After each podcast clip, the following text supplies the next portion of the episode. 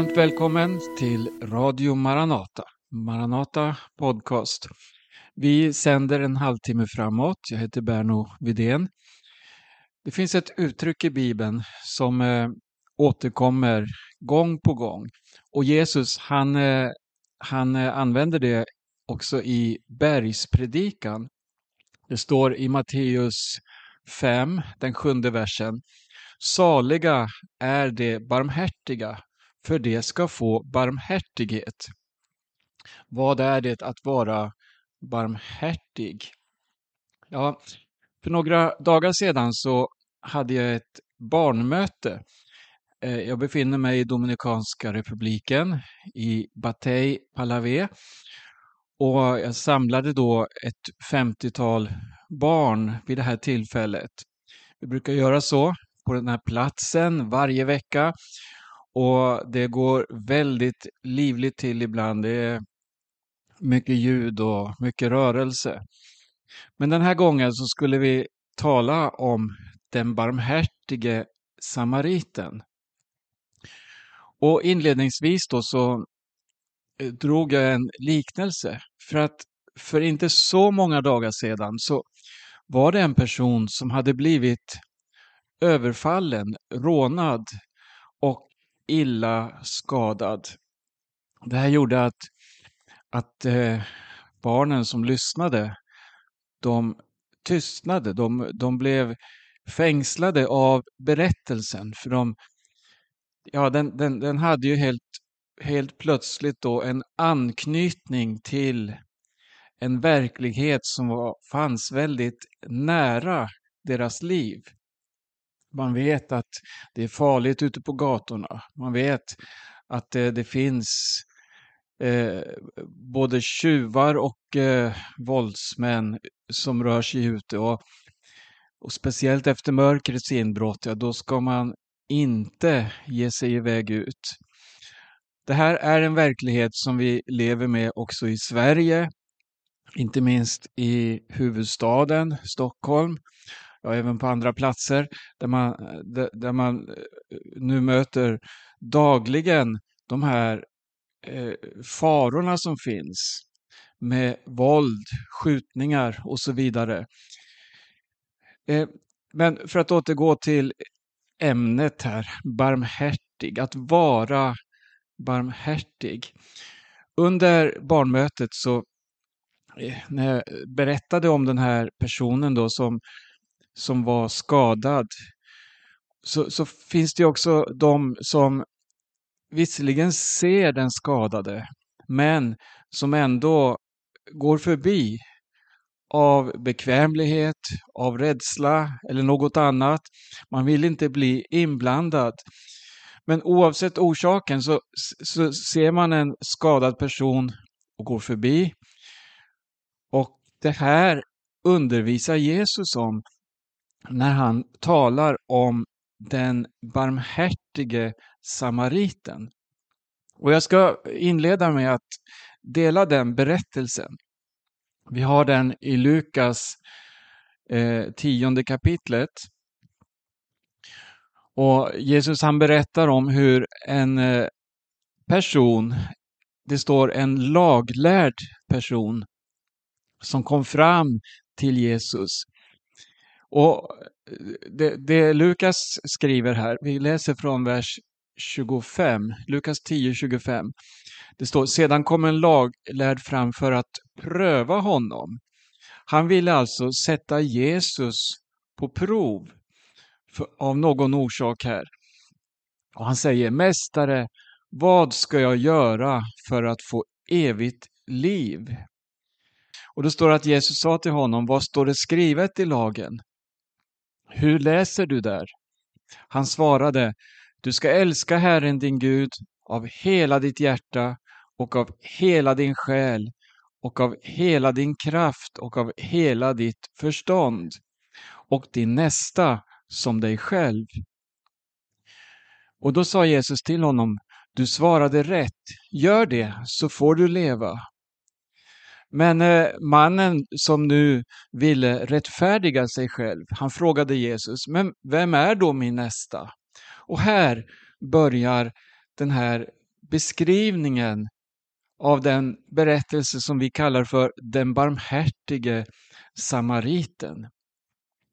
Först, eh, eh samariten, det hörde till ett folk som befann sig i någon slags ständig fiendskap med judarna. Man kan läsa också i Bibeln hur, hur folk gick omvägar för att inte gå genom Samarien. Man kände sig aldrig välkommen där. Och Jesus, vid ett tillfälle när han eh, vandrade med sina lärjungar så var de på väg mot Jerusalem och kom till en samarisk by. Men så fick de, folket i Samarien veta då att Jesus var på väg till Jerusalem och då var han inte välkommen till den här byn. Och på det här sättet kan man läsa att det, det, det, det fanns alltså motsättningar mellan de här folken. Eh, men när Jesus nu då talar till den här laglärde, det var ju en person med en eh, förhållandevis hög status bland det judiska folket. Och han ville pröva Jesus, för Jesus han var så speciell. Jesus han hade stuckit ut på så många olika sätt genom sitt sätt att leva. Han var så annorlunda. Och han, eh, ja, han ville pröva Jesus, men redan när Jesus börjar besvara honom så ser man hur ordet vänds mot honom själv. Det står att han ville rättfärdiga sig själv. Och frågar då Jesus, vem är då min nästa? Och då berättar Jesus, nu ska jag läsa den här skildringen. Jesus svarade, en man var på väg från Jerusalem ner till Jeriko och råkade ut för rövare. De slet av honom kläderna och misshandlade honom och sedan försvann de och lämnade honom där halvdöd. En präst råkade komma ner samma väg och när han fick se mannen gick han förbi. På samma sätt var det med en levit. Han kom till platsen, såg mannen och gick förbi. Men en samarier som var på resa kom också dit och när han såg mannen förbarmade han sig över honom. Han gick fram och hällde olja och vin i hans sår och förband dem. Sedan lyfte han upp honom på sin åsna, tog honom till ett värdshus och skötte om honom. Nästa dag tog han fram två denarer och gav till värdshusvärden och sade Sköt om honom och kostade mer ska jag betala när jag kommer tillbaka. Vem av dessa tre tycker du var en nästa för mannen som råkade ut för rövare? Han svarade, den som visade barmhärtighet mot honom. Då sade Jesus till honom, gå du och gör som han. Hela den här berättelsen är så lärorik. Jesus han eh, talar här alltså med en laglärd eh, jude och lyfter fram en person som hör till ett folk som är fiender till judarna. Ett folk som anses eh, ja, vara avfällingar helt enkelt. Där man har blandat judendom med hedendom enligt eh, vad Andra Konungaboken exempelvis beskriver. Och därför så var man illa sedda av judarna. Eh, det, här kan vi också läsa om i andra berättelser där Jesus exempelvis träffade den samaritiska kvinnan i Johannes 4. Läs gärna det och se hur evangelium bryter barriärer, hur evangelium verkligen kan åstadkomma förvandling hos människor. Men nu stannar vi här i, i Lukas och den här berättelsen. Alltså en laglärd får av Jesus veta att en samarier som, eh, som är här hjälpte den slagne och sårade mannen. Han är ett föredöme framför präster och leviter. Och präster och leviter, det ansågs ju vara eh, de verkliga hjältarna eller de högt ansedda grupperna bland det judiska folket med ett stort ansvar för att leda, vara föredömen och så vidare. Men här säger Jesus till honom, gå och gör som denne samarier. Det här måste ha tagit väldigt hårt i den laglärdes eh, eh, hjärta när han hörde Jesus tala på det här sättet. Han måste ha känt sig förödmjukad. Eller också tog han emot det Jesus sa och började eh, tänka på ett annat sätt. Ja, det står om, om präster också som blev lydiga och som började att följa Jesus. Det som är eh, eh, stort också i den här berättelsen, det är att Jesus han beskriver inte bara hur den här samarien hjälper den slagne mannen, utan han eh, riktigt målar upp i detalj allt som den här samarien gjorde. Han gick långt för att eh, hjälpa den skadade. Han eh, använde sina resurser, han använde det han hade. Han eh, tog med honom, han ansträngde sig och fick lägga om sina egna planer. För att här såg han något som behövde prioriteras.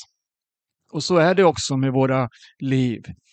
Om vi är Jesu lärjungar, om vi vill leva för Jesus, ja du, då, då, då kommer vi också att möta under vår vandring här i tiden många sådana här tillfällen då man får ge prioritet åt något som har värde för evigheten, skulle jag vilja säga.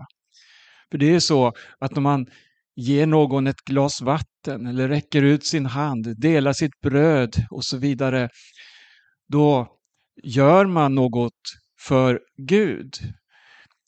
Det kan handla om en, en stackars krake som har råkat illa ut, men det kan också handla om många, många andra.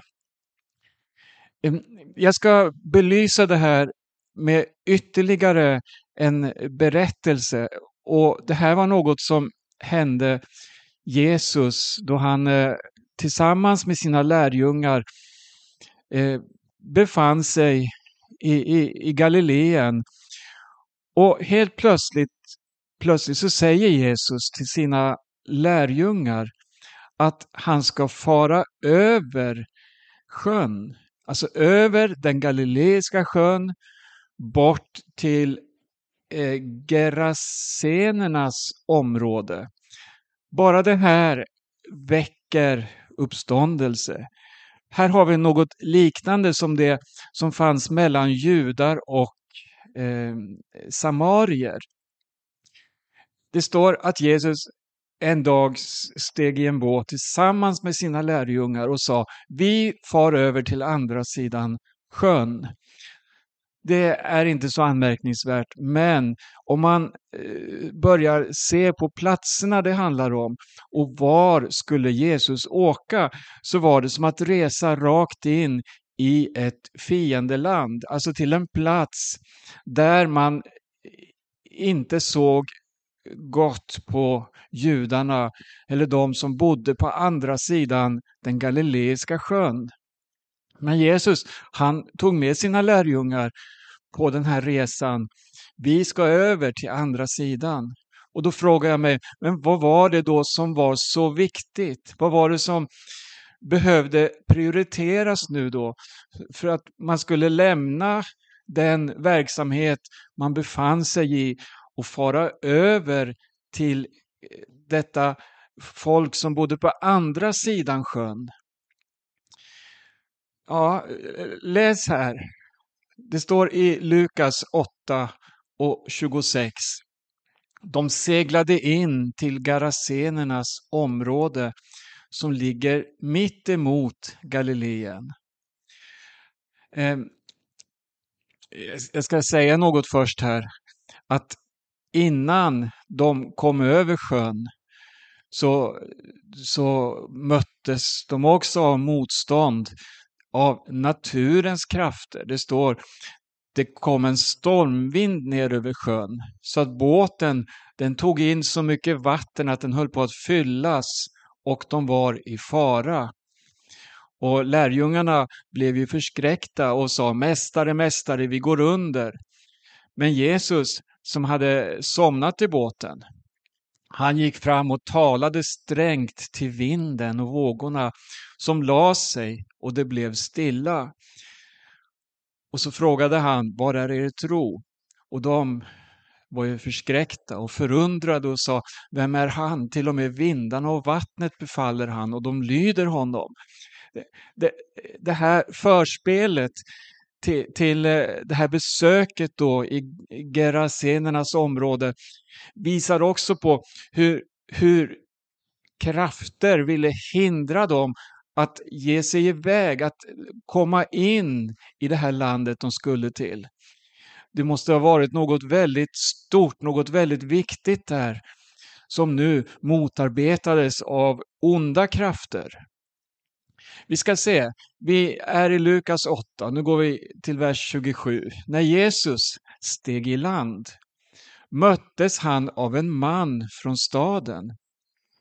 Han var besatt av onda andar och hade inte haft kläder på sig på länge och han bodde inte i något hus utan bland gravarna. När han fick se Jesus ropade han och föll ner inför honom och skrek Vad har du med mig att göra, Jesus, den högste Gudens son? Jag ber dig, plåga mig inte. Jesus hade nämligen befallt den orena anden att fara ut ur mannen. Länge hade den hållit honom i sitt grepp. Han hade varit bunden med kedjor och fotbojor och blivit bevakad. Men han hade slitit sönder bojorna och drivits ut i ödemarken av den onda anden. Jesus frågade honom, vad är ditt namn? Han svarade Legion, för det var många onda andar som hade kommit in i honom. Och det bad Jesus att han inte skulle befalla dem att fara ner i avgrunden. Eh, vi stannar där så länge. Det, det här, det här, här ser vi Jesus kom in i Gerasenernas område och det första han möter är en utstött man, en besatt man som ingen människa kunde rå över. Han var utstött, han var slagen i hotbojor och kedjor med vilka han slet sönder, eller de här onda andarna som hade tagit honom i besittning.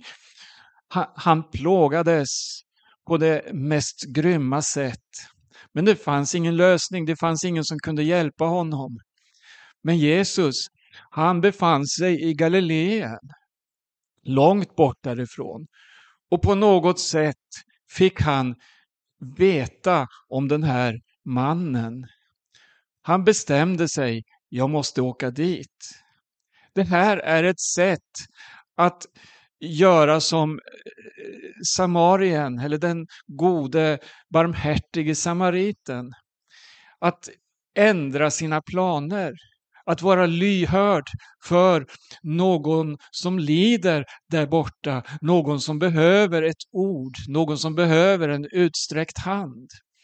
För Jesus så var den här utstötte mannens värde allt för stort för att bara nonchaleras. Han gav sig iväg med hela lärjungaskaran ut på den här farofyllda färden över sjön. Han kom dit och träffade den här utstötte mannen som var besatt och plågad. Och så står det hur han befallde andarna, eller den orene anden, att fara ut ur mannen. Vi ska fortsätta läsa här från vers 32. Nu gick där en stor svinjord och betade på berget och de onda andarna bad att han skulle låta dem fara in i svinen. Det tillät han. Andarna for ut ur mannen och in i svinen och jorden rusade utför branten ner i sjön och drunknade. När herdarna såg vad som hade hänt flydde de och berättade om det inne i staden och ute på landet. Folk gick ut för att se vad som hade hänt. De kom till Jesus och fann mannen som andarna hade lämnat sitta vid Jesu fötter, klädd och vid sina sinnen. Då blev de rädda. Det som var ögonvittnen berättade för dem hur den besatte hade blivit frisk. Allt folket från Gerasenernas område bad då att Jesus skulle lämna dem, för de hade gripits av stark fruktan. Han steg i båten och vände tillbaka. Ja, en omskakande berättelse. Tänk, tänk, tänk dig att, att finnas där på platsen. Tänk dig att vara en av dessa herdar som, be, och, som vaktade svinjorden. Och helt plötsligt så börjar alla dessa svin att rusa rakt ut i sjön och drunkna. Nu är svinet visserligen ett orent djur i skriften, men hur som helst så, så handlade det här om stora värden och de hade sin ägare och de hade sina herdar och det här ledde till att de blev förskräckta helt enkelt över det som hände. Sen det här, när folket då kom och fick se och det första man såg, alla visste förmodligen vem den här mannen var. Man fick se honom sitta vid Jesu fötter, klädd vid sina sinnen. Men det var inte det som tog deras uppmärksamhet, utan det står att de blev rädda för det som hade hänt. De såg inte att här har vi en man som nu har blivit fri ifrån en fruktansvärd plåga. Han satt där och var vid sina sinnen, vilket han inte hade varit på långa tider. Nej, folket, de hade gripits av fruktan och bad Jesus försvinna därifrån. Han, Jesus hade gett sig in här på ett område där saker och ting tydligen hade uppenbarats och avslöjats. Den här mannens liv betydde inte så mycket för dem. Nej, desto mer betydde svinen. Desto mer betydde de materiella sakerna.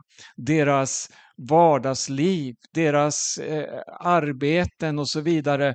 Nu kom Jesus här och eh, visade på att det fanns någonting annat som varje människa också bär på. Han kom och erbjöd frälsning. Eh, eh, lyssna här hur, hur Jesus fortsätter. Eller mannen som de onda andarna hade farit ut ur bad att få följa med honom men Jesus skickade iväg honom med orden Gå hem igen och berätta om allt som Gud har gjort med dig. Tänk, här ser vi hur Jesus, han sänder ut en väldig tidig evangelist som har fått möta honom. Så sänder han ut honom, berätta om det du har varit med om. Sprid budskapet. Tala om förvandlingen, befrielsen. Ja, det här var nog inte lätt med tanke på allt det som hade hänt. Med tanke på alla dessa värden som hade gått förlorade. Ser du här hur, hur Gud värderar. Det finns inte, det finns inte någonting av materiella saker i den här världen som betyder mer än en människas liv. Oavsett vem det handlar om så är priset för den människan värt mera än allt guld som existerar. Det här är det sätt som Gud värderar, som Gud ser på människan. Tänk det här, Gud sände sin son Jesus. Var och en som tror på honom ska inte gå förlorad utan ha evigt liv. Tänk dig då, tror du att Jesus hade kommit för att ge sitt liv om det bara hade handlat om den här stackars besatte mannen? Självklart. Om det handlar enbart om dig och din situation och det liv som du lever och kanske plågas över. Kom ihåg, Jesus, han kom och han ser ditt liv. Han söker dig. Han vill befria och hjälpa och förlåta dig dina synder och ta emot dig som ett Guds barn. Han är den som kan göra det. Han är den som kan befria oss från alla plågor. Den här mannen som Jesus nu sände ut, berätta, det står om honom, att han gick och ropade ut över hela staden allt som Jesus hade gjort med honom.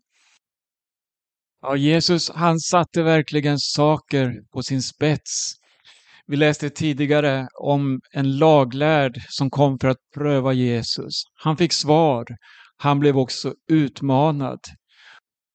På liknande sätt så möter vi var och en olika utmaningar. Vem är min nästa? Vad har jag för skyldigheter? Jag vill avsluta den här sändningen med att eh, citera Jesus. När Jesus i början av sin jordiska verksamhet ställer sig upp i synagogan i Nasaret. Och så säger han de här orden som har talat så många gånger till mig personligen. För de, de innehåller så oerhört mycket som är av betydelse för vår tjänst här i tiden. Det borde hjälpa oss att ange en inriktning, att inte söka sitt eget, men att först och främst söka Guds rike och hans rättfärdighet, som det står. Så här säger Jesus i Lukas 4 när han öppnar bokrullen i synagogan, vers 18. Herrens ande är över mig, för han har smort mig till att förkunna glädjens budskap för de fattiga. Han har sänt mig att utropa frihet för de fångna och syn för de blinda, att ge de förtryckta frihet och förkunna ett nådens år från Herren. Och när Jesus sen sätter sig ner, han eh, rullar ihop bokrullen, sätter sig och så talar han och säger så här. Idag har det här stället i skriften gått i uppfyllelse inför er som lyssnar. Och det här satte sina spår också vid det här tillfället. Alltid när Jesus talar, alltid när Jesus agerar, ja då finns det inte en människa som förblir oberörd. Och kom ihåg, du har fått Guds ande.